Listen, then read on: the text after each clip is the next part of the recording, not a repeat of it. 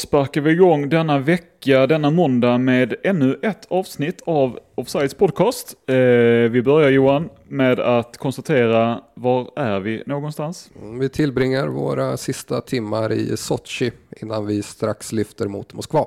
Mm. Vad är klockan och var i VM-schemat befinner vi oss? Ja, vad är klockan? Klockan är halv elva på förmiddagen. Det betyder att eh, vi befinner oss i VM-schemat som så att eh, senaste matchen bakom oss är Colombias kross mot Polen och jag tror nästa som står på tur är eh, godbiten Egypten, Saudiarabien, mm. denna betydelselösa match. Hur mår du Johan? Jag mår bra, du mår? Ja, du sitter ju ändå med ett rätt infekterat eh, fotsår mm. där. Eh, så det gläder mig att se att du ändå mår bra. Ja, men i jämförelse med dig så är det ändå bra. Ja, det är ingen fara med mig, men eh, i huvudet är det bra. Eh, lite värre i eh, båtben och eh, högra skinka. Ja. Lite skador som uppstod i samband med en av våra sådana här tvoddar. Där ja, vi gjorde ett litet försök att rekonstruera bråket då mellan eh, bänkarna efter Sverige-Tyskland och där jag skulle agera tysk ja. och du skulle agera säkerhetsvakt och knuffa mig med skillnaden att jag ramlade, det gjorde inte tysken, mm. och skrapade upp mig och fick en hand under mig. Så ja, det verkar lite och så, men jag är på gott humör ändå. Har vi sett några Fifa Legends? Det får man ju säga, ja. och det bidrar ju till det goda humöret. Det var ju kanske den starkaste Legends-dagen och eh, Legends-matchen just Polen, Colombia i Kazan. Mm. Där man då jobbade med dubbla colombianska mm. legends. Det var säkert för att safea upp att i alla fall en skulle komma. För det var nämligen Higuita och Valderrama. Ja, Där kan... vågade inte Hultman chansa och bara ta en av dem. Man kände här måste vi ta två. Ja, och här går det emot lite då mot vad vi kanske spekulerade i i början. Hur mallen skulle se ut. Att de fick inte vara för skandaliga så. För här, här jobbar vi alltså med René Egita som dels som målvakt var ju spektakulär för han var ute och dribbla så. Mm. Men också att han har varit inblandad. Jag frågade dig, visst gjorde de VM 90 ihop, men 94 var det med det? Och sen kom jag ju på att Egita var ju fängslad då och missade VM på grund av det. Han var inblandad i en kidnappning mm. och skulle agerat mellanhand som kurir med pengar och eh, fängslades och därmed missade han VM 94. Sen har det varit en kokaindom och så lite också. Men tänkte du på det att de såg ju exakt likadana ut mm. som när man minns dem från när man var liten? Ja men det var som när två personer gått på maskerad och klätt ut sig till Higuita och Valderrama. Ja, ja, verkligen. Och man kan ju bara ana, det blev ju en fest då i och med att Colombia spelade så bra och vann. Mm. Och när de ska gå ut i Kazan-natten där. Känns som det kan ha hänt grejer. Ja, det känns som att de inte riktigt kanske hade koll på att de var i Kazan. Nej.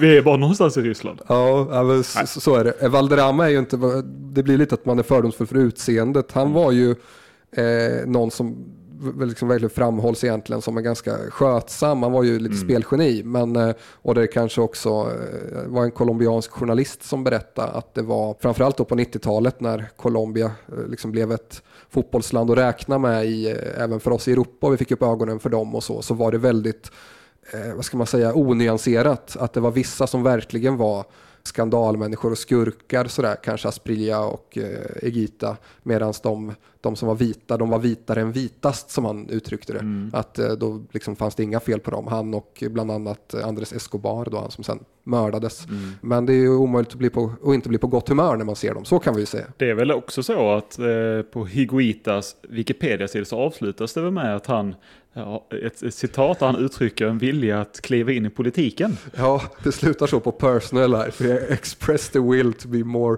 politically active. Ja. Eh, så vi får väl se vart mm. han kan dyka upp. Och vad gör eh, vår lagkapten Andreas Granqvist just nu? Eh, han har satt ner foten och sagt att om Sverige går till åttondelsfinal så vill de inte åka dit direkt utan de trivs så bra där i Gelencik så att ändrade planer de vill tillbaka.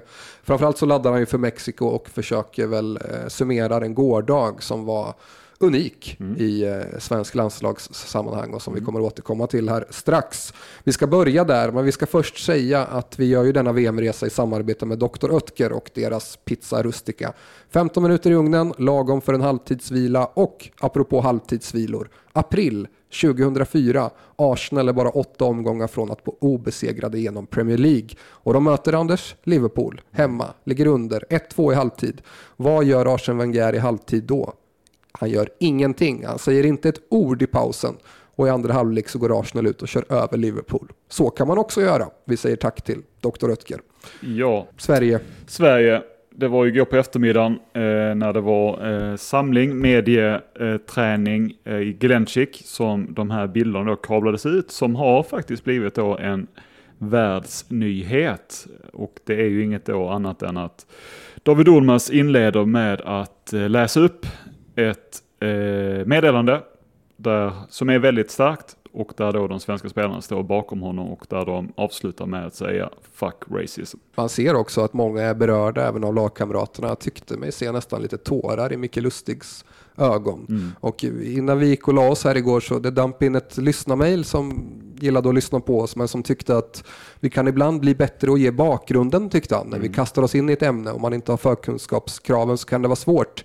Eh, så kommer det bli fler gånger, det går snabbt och så. Men i detta fall, även om jag tror inte många har missat vad som har hänt med Jimmy Durmas, så kan det faktiskt vara sin plats att vara övertydlig ja. och påminna om att eh, det vi har att göra med är en svensk fotbollsspelare och en svensk medborgare som går ut och spelar för sitt landslag och för sitt land. Eh, det är samma landslag han har varit med och tagit till VM. Minst sagt bidragit till att vi är där vi är. Så är det och han går ut och han gör sitt allra, allra bästa. Han råkar orsaka en frispark, det är ett misstag.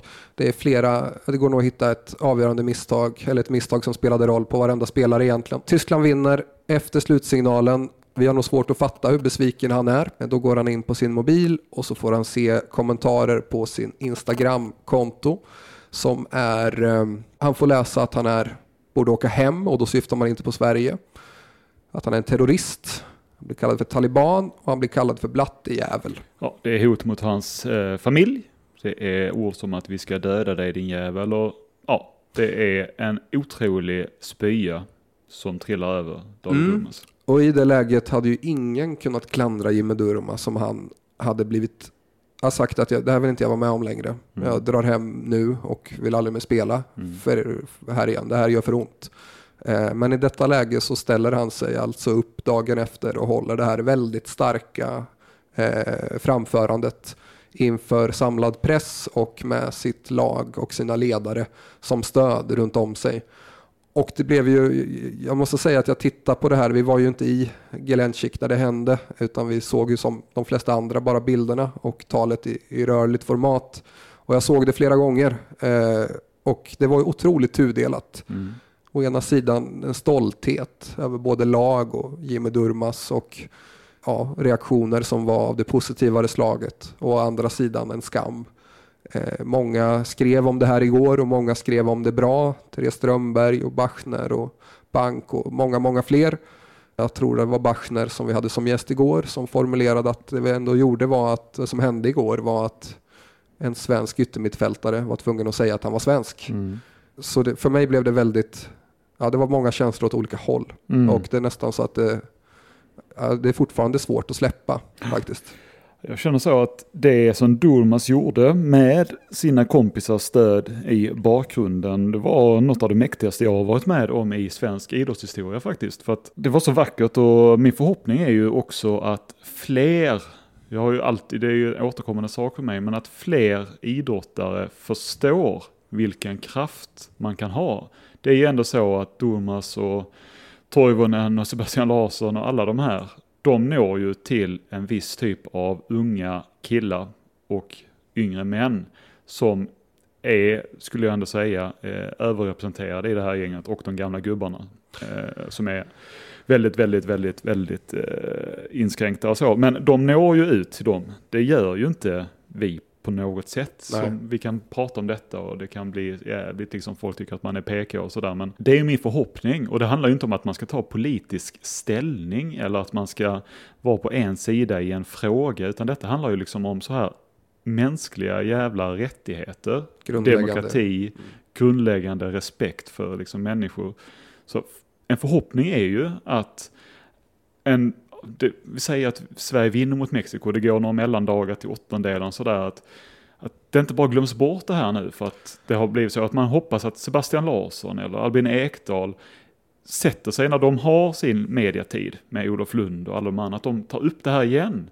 Utan att det är liksom det här rabaldet runt omkring och det är liksom hela det här, den här uppmärksamheten som kom i och med vad som hände med Domas. Men att man vävar vidare med det här och man håller det här levande, att detta blir en grej som herrlandslaget och nu då när vi får en ny landslagschef att de, fan, detta är, detta är den grejen vi ska prata om. De har ju de här kampanjerna, liksom, visa rasismen rött kort och sådär, men de blir liksom, till sist så är de helt urvattnade. De, de är ju tyvärr det, liksom, att man verkligen brinner för det här, så som man visar upp i Glenchick. Ja, för nu tittar ju faktiskt världen på och det här mm. det är inte överdrivet att säga att det här blir en världsnyhet. Vad är det som händer i Sverige? Mm. Eh, liksom, det kan man ju bara inbilla sig själv om man hade sett ett annat landslag ha den typen av träning. Liksom en colombian som får gå upp och stå och säga samma sak. Det hade man ju tyckt var Liksom, vad är det som händer? Mm. Så. Eh, men just det du säger att det kanske finns även i vardagen. För man kan ju nästan anklaga oss för att vara sena på bollen. Eh, många har, det har sagt så otroligt mycket redan.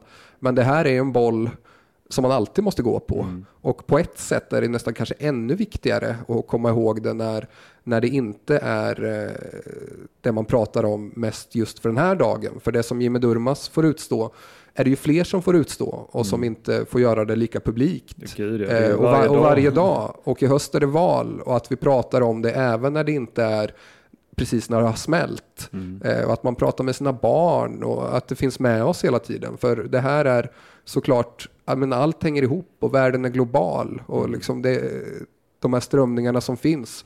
Eh, det här är ju bara, det är ett uttryck för det. Mm. Men som finns eh, ja, även då. Jag tänkte på Jimmy Durmas jag vet inte om du inför premiären när vi skulle se på Sverige-Sydkorea och spelarna anländer till matchen i sina kostymer innan de byter om så klev Jimmy Durmas ut där och jag tyckte han såg så cool ut i, i sin look och med sina solbriller och så tänkte jag att han hade ju nästan kunnat haft lite anledning att vara lite bitter. Eh, Viktor Claesson har ju kommit in och tagit den platsen utan att man känner att han egentligen har spelat bort den själv. Det är nästan så att han gjorde mer under kvalet än vad Claesson gjorde. Och medan hans lagkamrat i Toulouse, Toivonen, som inte spelar alls, går in och kör från start så får han finna sig i att vara sidsteppad. Mm. Men inte ett enda gnäll, inte ett ont ord, utan bara haft en superproffsig inställning och gjort sitt allra, allra bästa. Det bar jag också med mig när han fick stå ut med, med den här skiten. Liksom. Ja, och det kommer jag ihåg eh, med Jimmy också, att redan när han tog ställning i den här locker room-kampanjen eh, som eh, blev rätt uppmärksammad här i vintras var det väl. Då var han ju en av få i svenska landslaget som frontade den och så.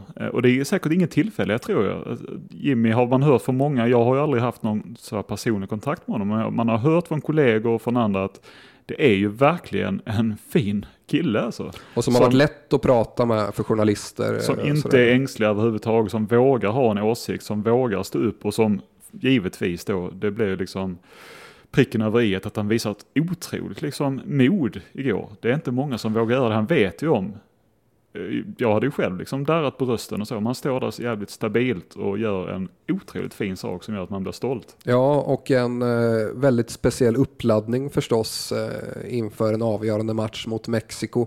Och eh, jag vet inte, vår känsla och jag tror den allmänna känslan bland eh, de flesta är ju verkligen att det här är för Jimmy mm. lite nu. Om man tänker och man vill tro att det här det är såklart man tänker att optimala förberedelser är att bara knugga på detaljer och taktik och ladda och så, men att det kanske kan ge någonting till, till laget. Det låter ja. märkligt att spinna det till att det skulle vara en positiv grej, det är inte det jag nej, menar såklart, så det men inte. det fattar man. Men eh, i en eh, perfekt skriven historia så är det så att Jimmy kommer in mot Mexiko i 70 minuten och gör det avgörande målet. Vilket jävla långfinger det är mot alla de hatarna som finns där ute. Ja, verkligen. Det, det, är, ju, det är ju filmslutet ja, så att säga. Ja, det är ju en historia som, det är liksom, den kommer ju den kommer trumfa allt annat. Ja, det kommer den göra. Men viktigt att komma ihåg då, även om det är den historien och det slutet vi hoppas på. Mm. Men att skulle han komma in och allt skiter så är han jättedålig. Ska det inte spela någon roll. Nej.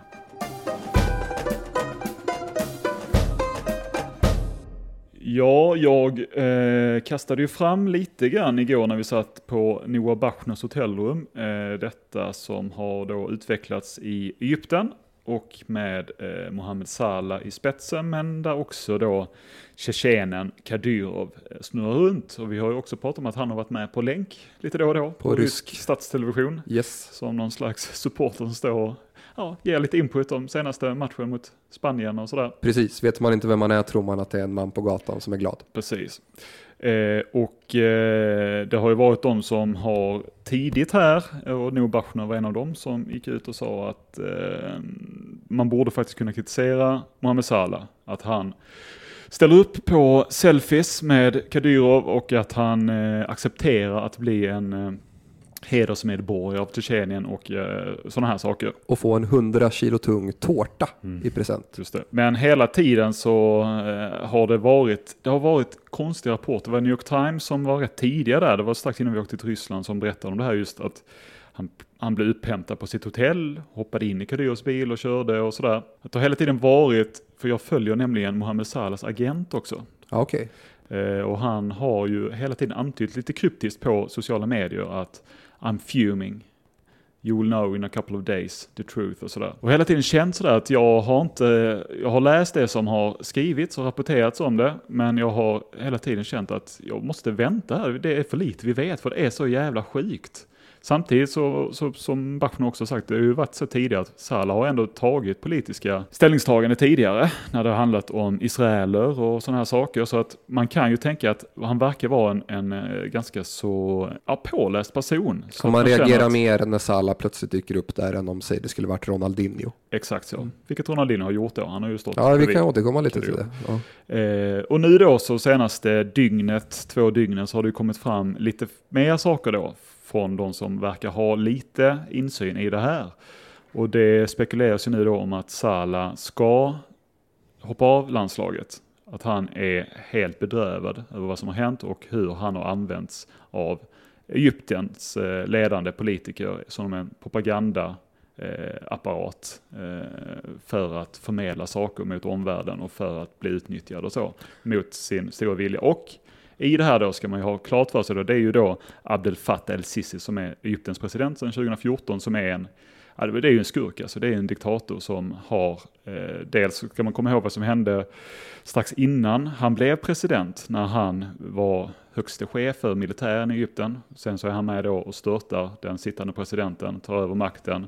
Det är fullkomlig kalabalik där nu i eh, vad det gäller mänskliga rättigheter, vad det gäller hur man uttalar sig, han har infört olika lagar. Som, och det är tusentals journalister, andra kända personer som uttalar sig kritiskt som bara försvinner. Lagt mycket kraft och pengar på säkerhet. Verkligen. Och han är en väldigt, väldigt, väldigt god vän med Putin. 14 augusti 2013 så var det den här Rabba-massakern. Då var det alltså eh, två stycken, ett stora läger av egypter som protesterade mot eh, den sittande politikerna i Kairo och militären, hur de mer och mer eh, gjorde övergrepp på invånarna. Och då är det liksom en stor jävla attack från militären som leds då av El-Sisi. Där det är alltså flera hundra personer som mördas i detta. Och det är han som är den här alltså, personen. Och det vi har tidigare, Bachmann nämnde det igår också, vi har tidigare en fotbollsspelare som har uttalat sig kritiskt och det slutar inte så väl för honom. Han blev förföljd, torterad. Ja, jag vill ändå tro på, det handlar inte om att jag är en Liverpool-supporter liksom. Jag har inga problem, jag har kritiserat många Liverpool-spelare under tiden eh, som de har varit där. Det har inte med det att göra faktiskt, men det blir för, det är farligt tycker jag när man har en så här tydlig åsikt om någonting, när man inte vet någonting. Man kan ligga lite cool ibland och vänta till, okej, okay, de här sakerna eller de här vittnesmålen är bekräftade om vad som händer. För det är lite grann som jag hamnade i en diskussion igår med någon eh, på Twitter som började liksom kleta på lite som, efter det här med Durmaz-grejen och så. Ah, skulle Hamrén gjort det, eh, eller Lagrell under den tiden? Det tror jag inte. Så, det vet man inte. Vad fan, dra inte den växeln. Detta är en unik situation under ett VM. Det händer det här som händer mot Durmaz. Jag vill verkligen tro, och det tror jag på eh, in i mitt hjärta, att Hamrén skulle inte har blockat någonting. Han skulle inte förbjudit Durmaz att göra de här sakerna av landslagsspelarna. Men här har man ju en faktisk händelse och även om det är säkert mycket vi inte vet så är det klart att det ser inte bra ut. Varken det första, Salas VM blir otroligt märkligt. För mm. det första, han är väl knappast helt kurant efter sin skada från Champions League-finalen. Han missar första och hamnar ändå i inför världens ögon i och med att han syns på bild tillsammans med en mycket, mycket speciell man, mm. alltså Ramzan Kadyrov, eh, Tjetjeniens ledare. Och DN skrev ju från Grozny Ja, precis. Det är klart man reagerar. Det kan vi rekommendera det reportaget. Det var eh, Johar Bendjelloul eh, som skrev. Och det är ju orättvist att han har Sveriges finaste och behagligaste röst och även eh, en jävel på att skriva. Han, mm. fick, han fick mycket till sig, Johar Bendjelloul. Han har varit i Grosny och några som följer fotbollen har kanske noterat att Grosny också har varit ett lag som spelar i ryska högsta divisionen och Rud Schullit var där en sväng som tränare bland annat. Och du var inne på det där med hur saker hänger ihop och vi har att göra med olika regimer här. Eh, och du sa Egypten och dess president att det finns en Putin-vänlighet där. Det gör det ju i sanning också från eh, tjetjenskt håll. När vi var små så minns vi från nyhetssändningarna ofta eh, krigsrapporter från Grosny inbördeskriget i Tjetjenien. Ja, det, var verkligen dagliga... Ja, och tjetjenska rebeller och det var terroristattentat i Moskva som eh, Ryssland pekade ut tjetjenska rebeller för att göra så att och så kunde Ryssland sen gå in mm. med tung militär och kväsa och Grosny blev för omvärlden en eh, plats där man tänkte att där vill man inte vara. Och den bilden gör ju då Kadyrov allt för att ändra på. Och eh, han har ju blivit, det är ingen slump då att han är med ibland på länk på rysk stats-tv. Han eh, får vara lojal med Putin, får i sin tur, det här kan man då läsa också mycket om i DNs reportage, får eh, ekonomisk hjälp och har byggt upp Grosny även om det verkar vara med, det är fortfarande en av Tysklands fattigaste regioner men det beskrivs som rätt bisarrt inne i stadskärnan så påminner det mer om Dubai skriver Ben Jelloul. Mm. Han vill liksom visa upp en bild av att Grosny är, ett, eh, är en stad på frammarsch och det är även Tjetjenien också. Och som vi vet fotbollen är ett utmärkt propagandaverktyg och har så varit mycket, mycket länge. Och de hoppades ju alltså få bli en av spelorterna för VM, alltså att det skulle spelas VM-matcher i Grosny. Och då började han ju ännu mer, han är ju fotbollsintresserad då, Kadyrov, att eh, vilja visa upp Grosny från sin bästa sida och till sin hjälp så ville han ha draghjälp då från eh, prominenta fotbollsspelare som ofta hade lagt av. Och det är skrämmande många som har varit där för uh, rätt bra betalning kan man, kan man gissa. Det är på en annan nivå än Fifa Legends-uppdrag. Många brassar, Bebeto, Romario, just Ronaldinho, som du säger, till och med Cafu har varit där. Och det är flera andra eh, också som, som har varit där och fått pengar och så får de spela lite teatraliskt och låta Kadyrov göra lite mål fast eh, han inte är i så bra form och så. Inte bara fotbollen förstås utan han har tagit dit artister och skådisar. Det skrivs om att eh, i artikeln att Jean-Claude Van Damme, Muscles from Brussels, var där och fick eh, en miljon eller något för att göra några roundkicks och säga I love you Mr Kadyrov allt är uppkallat efter antingen Ramzan Kadyrov eller hans pappa då som eh, Ahmat Kadyrov som anses vara mm. Tjetjeniens eh, landsfader ja. kanske. Och han gjorde sitt bästa men fick då alltså inte, Grosny blev inte en av eh, världsstäderna. Eh, men här kan man ju bara misstänka då att då fick de i alla fall någonting av Putin och de fick Egypten. Eh, Egypten som hade sitt förläger där. Precis, och eh, då gjorde han ju max för att utnyttja eh, detta och kabla ut. Så han agerar ju helt i, i linje med vad man kan förvänta sig mm. av en sådan person. Mm. och det har ju vissa sådär av liksom Nordkorea-inslag, att det dyker upp mycket lite så ding-ding, världny nyheter om Kadyrov och man kan nästan så garva åt honom. Han står och flinar i sitt skägg där på länk. Men som det beskrivs också i artikeln så har han med tiden blivit allt viktigare för Putin som mm. brygga till oljeländer och med handelsavtal och så. Mm. så det, det, är ingen duvunge vi pratar om och det ser fortfarande märkligt ut. Min reaktion blir också, vad håller alla på med? Eh, och nu är det rapporter om att han kanske ska sluta då i Egypten. Så mm. det är folk som är stressade, så mycket kan vi slå fast i alla fall. Så är det ju verkligen och eh, jag eh, vill ju som sagt ändå tro att, eller jag vill ändå så här, att man sätter sig in lite grann i vad som händer i Egypten just nu. Det är liksom, den utvecklingen vi har där senaste åren är ju fruktansvärd. Och det är ju ett land i kaos där det är otroligt eh, dåliga mänskliga rättigheter. Mm. Och, eh, men han där, står ju ändå där. Där de känner, ja han står vad fan ska han göra då? Ja men fan, då, om man ändå ska sluta, då, det här får väl vara viktigare då.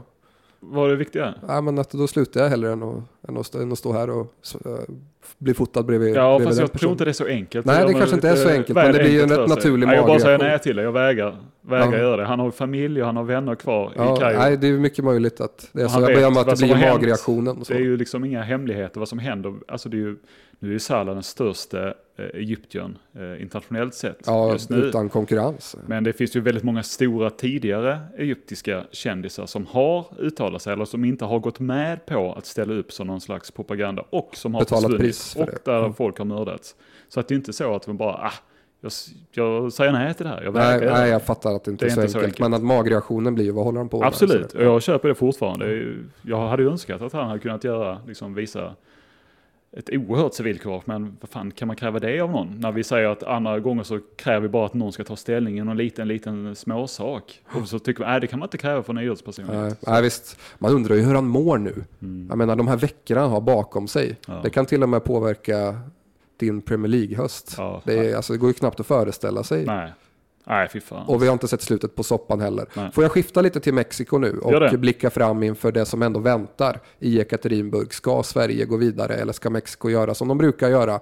Eh, inte just slut Sverige, men krångla sig vidare och att Tyskland samtidigt gör vad de förväntas göra mot Sydkorea. Som du vet och som en del vet så var ju Mexiko då eh, för ett jobb som inte handlade supermycket om landslaget och eh, fotbollen just kanske. Eh, och eh, en sak som har slagit mig här under eh, VM, det var ju ganska oklart hur de skulle mönstra sitt lag och många trodde kanske på att Dos Santos-bröderna skulle få spela roller. Det har de inte fått göra ett dugg. Däremot så har den andra Mexik- tredje mexikanska spelaren som finns i Los Angeles eh, spelat båda matcherna och varit bra, Carlos Vela. Så- gamla Arsenal-killen. gamla Arsenal-killen ja, som eh, satte en straff eh, mot Sydkorea och det andra målet gjorde alltså Javier Chicharito Hernandez. Den lilla ärtan. Ja, Vad har vi där på den lilla ärtan? Varför blev det så? den lilla ärtan Chicharito är alltså tredje generationens landslagsspelare i Mexiko. Hans morfar eh, spelade VM 54 tror jag. Gjorde, nej, 54, 62. Det kan låta vara osagt. Han har spelat för Mexiko. Där även hans pappa gjort. Han var med i eh, truppen på hemmaplan 86. Eh, och han kallades för ärtan. Helt enkelt. Jag vet inte om det är Chichao, eh, blir osäker. Eh, för att han hade gröna ögon som såg ut som små ärtor. Och då blev helt enkelt eh, Javier lilla ärtan, Ah, ja, Chicharito, Ah, Little P. Mm. Eh, och när han var i United så fanns det ju en sång faktiskt som en United-supporter de gjorde om Let It Be till Li- Little P. Mm. Eh, som ju faktiskt var fin. Den var kanske lite för svår för Old Trafford att sjunga med helhet men den finns på YouTube om man, Mm. om man vill se. When I find myself in times of trouble Chicharito scores for me Javier Hernandez Little P Och så Mm. Little P Little P Little P, little P, Javier Hernandez, little P. Så gick den. Mm. Och eh, jag tänkte faktiskt på det, både när vi såg dem mot Tyskland och mot eh, Sydkorea lite på tv. Att eh, de, har de bildar ju i någon mån, eh, ja, hade vi varit kvällstidningarna så skulle vi säga att det här är hoten mot Sverige. Mm. Eh, Chicharito i en roll längst fram som extremt energisk och ettrig. Eh, och så har vi Carlos Vela ett steg där bakom i lite mer Servitörrollen. Ja, absolut. Och som letar utrymme för sin fina vänsterfot. Eh, de här delar ursprung på så sätt att de båda var i Chivas, i Guadalajaras akademi samtidigt. Ett av de allra största mexikanska lagen. Men de delar inte mycket annat.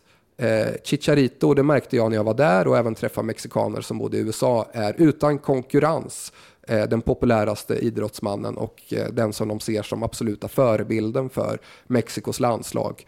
Han har gjort flest landslagsmål och eh, man talar inte om honom som den här bländande tekniken utan att han personifierar inställningen som krävs för att vi mexikaner ska kunna uträtta stordåd och också för att eh, det liksom, det var en som upprepade det där är att vi är vana att jobba hårt och då syftar han inte bara på fotbollen utan kanske som immigranter till USA med dubbla jobb och så. Och så är verkligen Chicharitos väg sett ut. Eh, han var alltså inte alls, liksom, det var Vela man talade om. Det var han som eh, kom med till U17 VM-truppen medan Chicharito ratades. Och det var Vela som sköt Mexiko till guld där och eh, spåddes att bli på allvar en av världens kanske bästa forwards. Dragkamp om honom, Arsenal vann den och han var väl bara 16 eller någonting. Eh, sen var det lite, jag tror det var en arbetstillstånd eh, problem, han var i Salamanca ett tag, sen kom han ändå till Arsenal som tonåring. Wenger hyllade hans teknik och så, men ifrågasatte lite hans tuffhet och vill han det här tillräckligt mycket? Adderar han det där till sitt spel så då, då kommer han bli en av världens bästa. Och det skulle man kunna anklaga honom för att han inte gjorde. Han eh, fejdade ur och lyckas inte riktigt ta en plats i Arsenal. Eh, sen så småningom så hittade han lite lugn i Real Sociedad. Och numera spelar han alltså i det här nybildade laget i Los Angeles, inte, inte Galaxy utan det andra. Eh, det, här, det, är ganska märkligt, det är helt nytt då, så när han presenterades så fanns inget lag. Mm. Man har byggt ett lag runt honom. MLS tredje bäst betalda är han. Han har Giovinco och jag tror Bradley framför sig i mm. Toronto. Och har ju gått jättebra där, men han har medan Chicharito har dyrkats, han kommer alltid när Mexiko kallar. Han är superlojal, det såg vi ju mot Tyskland. Han kan lägga liksom all energi han har på att bara gå och försöka störa Hummels. Typiskt mål han gör också, precis ett sånt Chicharito-mål. Att han liksom lite halvträff sådär mot, Sydkorea. Ja, mm. eh, han har ju faktiskt väldigt bra siffror. Han fick, har haft svårt att vara ordinarie helt. Eh, både i United och i Leverkusen och i Real Madrid där han har varit och nu i West Ham då. Men aldrig liksom ett enda klagomål och Ferguson älskade ju honom. Mm. Använde ju honom rätt ofta från start men även som inhoppare för att eh, den rollen fann han sig så bra. Mm. Tittar man på hans siffror är de faktiskt jättebra i så här, hur effektiv han är. Mm. Gav alltid allt och älskade den engelska stilen och gör fortfarande. Medan Vela är helt tvärtom. Anpassade sig inte till den och var inte så där det, det har kritiserats i Mexiko att han inte är så hängiven och han har själv sagt att fotboll är inte min favoritsport riktigt. Eh, basket hellre och sådär. Sen hade vi då incidenten som var för ganska många år sedan när eh, det var en fest i samband med en, eh, en landskamp där Vela var med och han blev straffad för detta för att det hade skett under landslagsuppdrag och avstängd i sex månader. Och när den var över så ville han inte spela längre mm. och bojkottade alltså i flera år Mexikos landslag trots att de försökte få honom tillbaka och de trodde de skulle få honom inför förra VM. Men så blev det inte heller. Han var alltså inte med i Brasilien. Så han har det muttrades en del om honom och de var också tveksamma att gå till Los Angeles nu. Fan, det är ändå lite så här pensionärskänsla över det. Eh, så han, han, spelar med mycket mer att bevisa. Alltså, har han det i sig den här hängivenheten som vi behöver. Mm. Medan han som man ska samarbeta med, då, lilla ärtan, alltid har varit där för oss. Men Vela har ju varit bra.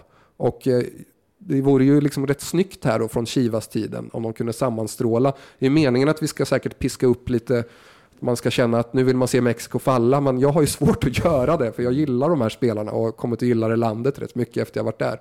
Mm. Eh, men den historien kan man ta med sig, att två pojkar från Chiva som tog väldigt olika vägar och mm. är väldigt olika som personer, men som nu ska knäcka granen och kompani. Johan, vi ska checka ut från vårt hotell. Vi ska sätta oss i en bil, ta oss till flygplatsen i Sochi och flyga mot Moskva. Nästa VM-match på schemat för vår del är Danmark-Frankrike. Spännande. På plats ja. Absolut. Lushniki. Lushniki. Och vi, ska vi eh, säga att vi, vi, vi har ju verkligen inte emot Danmark, så gärna att de går vidare, men vi ska också erkänna att vi tyckte det var skönt att de inte blev klara efter två, mm. så att det står lite på spel. Så är det verkligen. Eh, därmed så hörs vi eh, imorgon igen i detta formatet. Vi hörs på blogg och vi hörs på Tvod. Jag håller utkik på offside.org. Ja, det, det börjar bli en stor eh, matta där nu som har rullats ut. Och nytt material är på väg där idag också. Eh, vi ses i Moskva. Hej! Hej!